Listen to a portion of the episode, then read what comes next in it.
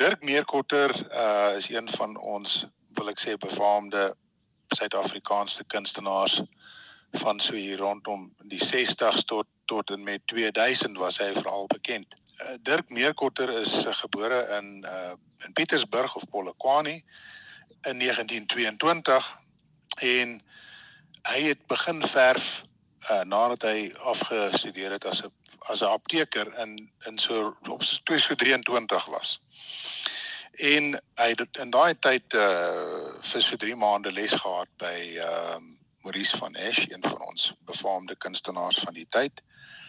En moet ek sê, het hy homself nogal éventueel baie goed bekwam.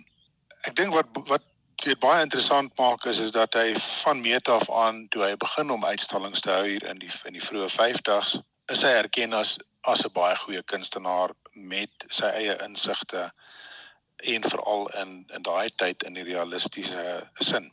Uh die die groot uh die groot ding is uh dat hy natuurlik toe in, in 1958 saam met ehm um, Annie, my ma, oor see is en toe hy daarna terugkom, het was sy werk totaal anders. Hy het heeltemal uh in die moderne ehm um, kan ek sê ehm um, groep opgegaan en en en heeltemal abstrakte werk gedoen. En uh, so, dit is dit is in beginsel waar ons is. Verstaan ek reg as ek na die datums reg geluister het, hy sou vanjaar 100 jaar oud gewees het, né?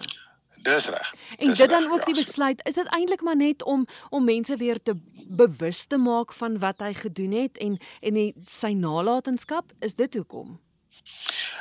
Ek dink dit is 'n belangrike fase want die werk wat hy gedoen het wat wat hom as as 'n kunstenaar baie interessant gemaak het is dat hy ook vir sy lewe lank 'n apteker was of dan vir die die, Transvaalse provinsie gewerk het in in daai tyd. Hy het vir homself genoeg tyd op 'n dag gegee om om sy kuns te doen as 'n tweede beroep. Mm. En die situasie dat hy gewerk het vir 'n uh, 'n uh, ander werkgewer het hom eintlik die vermoë gegee om te doen net wat hy wil in terme van sy kuns. En hy het dit nogal by herhaling uh genoem selfs in byvoorbeeld die verhandeling wat uh, geskryf is deur ehm um, Rian van der Berg dat hy dit hoog op prys gestel het. En as 'n mens kyk na sy na sy oeuvre, kan jy dit sien want soos wat dinge hom inspireer het, soos wat tegnieke hom inspireer het, soos wat uh nuwe insigte hom inspireer het, het hy eenvoudig met nuwe dinge begin en nuwe dinge uh mee geëksperimenteer. 'n Mens moet sê dit het dalk te doen met sy wetenskaplike agtergrond as, apteker.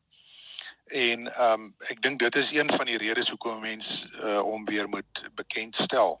Ehm um, mense moet erken dat hy het uit 78 solo uitstallings gehad wat nogal beteken dis meer as een per jaar mm -hmm. in sy aktiewe lewe as kunstenaar. En hy het byvoorbeeld ook ontsettend baie ehm um, uitstallings oor see gedoen ehm uh, in die biennales van jy weet uh, Wene en so en dan natuurlik ook byvoorbeeld uitstallings in Suid-Amerika en en Noord-Amerika en plekke so ver soos Japan en en Griekeland en so allerlei interessante plekke. So werklik waar iemand wat wat 'n mens kan na opkyk in terme van uh verskeidenheid en en en eksperimentering en die lewe as kunstenaar te doen as 'n kreatiewe mens so. Julle het nou 'n wonderlike fees wat julle hou ter viering van sy lewe. Die fees word in Linden gehou. Ons gaan nou praat dit bestaan uit 3 konserte uit, maar hoekom hoekom in Linden? Wel, so as jy mens nou kyk na sy lewe, ek het net nou genoem dat uh toe hy en my ma oor see is in 1958 het sy hele oeuvre verander. Maar dis ook toevallig dieselfde tyd wat hy in uh in Linden begin woon het en en as gesin so toe getrek van van Melville. So ehm um, dit is toevallig miskien dat dat die dat sy realistiese periode tot en met nou ja 58 60 rond dan verander dit in 'n moderne fase in hierdie moderne omgewing. En uh, so het hy daar gebly tot uh, hy en my ma you know uh, weg is uh, hier in 2017 mm. en 2018 en uh, was ons nou betrokke as 'n gesin wat almal daar deur die skool is. Ehm um, Jy weet, ek dink dis so dis die maar die hoofrede. Ons het moet ek bynoem 'n idee gehad om dit eintlik uh, te vier in die Linden Park NG Kerk waar hy en uh die destydse um argitek uh, Manny Taljard effektiewe kuns kuns geskep, kunswerk geskep het in die kerkvorm self en dan uh ook in die vensters wat my pa ontwerp het vir die kerk. Nou ja, ongelukkig soos jy dalk weet of nie weet nie, is die kerk um op die punt om gesloop te word en ons het uh, gelukkig die kans gekry om die grootste hoeveelheid van die vensters wat nog bestaan te red en mens hoop dat dit met die tyd dan weer ontplooi kan word in 'n in 'n kerkhoedanigheid. So so dis hoekom Linden. Nou ja, As dit die vraag antwoord. waar in Linden gaan gaan dit plaasvind? Goed, die uitvoerings ehm um, gaan in die Linden se skoolsaal gebeur en dit is maar omdat ons as kinders almal daardeur is, hulle geldnys eers en toe later Linden as die hoërskool. Ek ek kan noem dat ons het eintlik beplan om ook by Theater Linden 'n uh, uitvoering te gee, maar dit het nou op die oomblik is op die oomblik op die lange baan. Um, en hoekom die Linden die teater Linden want natuurlik het my oupa uh Dirk Meerkotter was die orgelis daar so gewees. Hmm. So daar's baie koneksies met met Linden. Ja. Maar nou ja, as ons terugkom na die drie geleenthede uh gaan ons dit uitvoer by die Linden skoolsaal. Goed. Kom ons kyk na die drie geleenthede. Die eerste een is op die 16de Augustus. Wat gebeur dan? Ja, so dit is baie interessante uh, uitvoering. In die eerste plek wil ek sê dis vir my nogal belangrik dat ons sien dat Dirk Meerkotter het 'n groot belangstelling in nie net die skepende kuns nie, maar ook die uitvoerende kuns en in die geval dan uh koorsang. So het ek ehm um, vir Richard Kok gevra van die Chanticleer singers om te kom kyk na my pa se werk en dan te kyk of dit hom inspireer om 'n sekere groep of ehm um, program van musiek uh op te stel en dit dan uit te voer met die Chanticleer uh singers.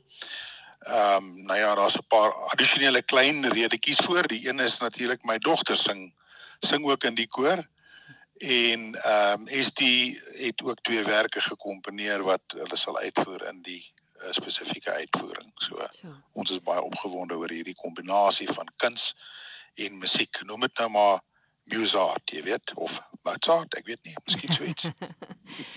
en dan die 18de, uh, soos ek verstaan, die 18 Augustus is dit ook koorsang. Jep, nou ja, dis maar weer die belangstelling in koorsang en uh in hierdie geval is dit die die Linden koor die Lindense koor wat ehm um, onder leiding van Duncan Fourie is. Regtig een van ons uh, top kore in in Gauteng. Is dit nie in die land is nie. Hulle het uh, kom vas van 'n toer af en hulle het 'n uh, hele klomp addisionele nuwe werke, uh, jy weet, ontwerp en uh, of dan geoefen. Die die groot ding daar natuurlik is dit nou ja, ons het in die koor gesing as kinders in die eerste plek en dan in die tweede plek glo ek dat dit die uh omgewing en met ander woorde die die weet die um omgewing van Linden betrek by die uitvoering en dan ook by die kunswerke wat ons wil uitstal. Op die 20ste Augustus, dis die laaste geleentheid wat jy aanbied, is Helena Hettema daar. Hoe pas sy by die prentjie in? ja, dit is 'n interessante storie ook. Nou as 'n mens nou bietjie in die musiek ingaan wat ons gekies het, is daar so onderliggende tema van Parys of dan Frankryk in die uh, in die prentjie. En dit is nou maar omdat my paale, my pa en my ma het dit so geniet in Parys.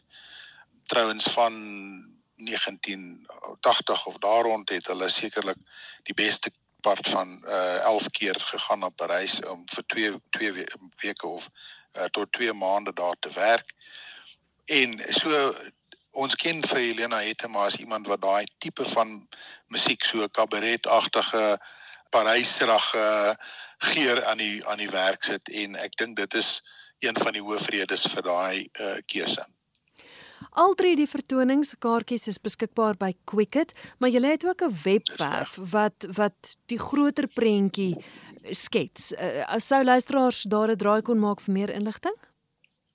Ja, absoluut. Dit is nou regtig vir ons nogal 'n goeie 'n goeie kom ons sê ont, ontwikkeling.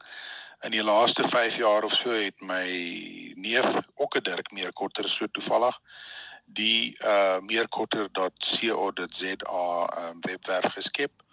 En ehm um, ek moet sê daar's 'n regtig mooi uh, geskiedenis en ook 'n goeie verteenwoordiging van my pa se werke oor die jare, 40s, 50s en so aan baie mooi uiteengesit sodat jy dit kan gebruik as 'n studie as 'n studieverwysing. Dit is nou dit is nou afge, uitgesonder die of dan uh, daar's nog ook 'n handleiding soos ek gesê het wat geskryf is deur Rian van der Berg wat dan nou natuurlik in baie baie detail ingaan oor oor my pa se werk.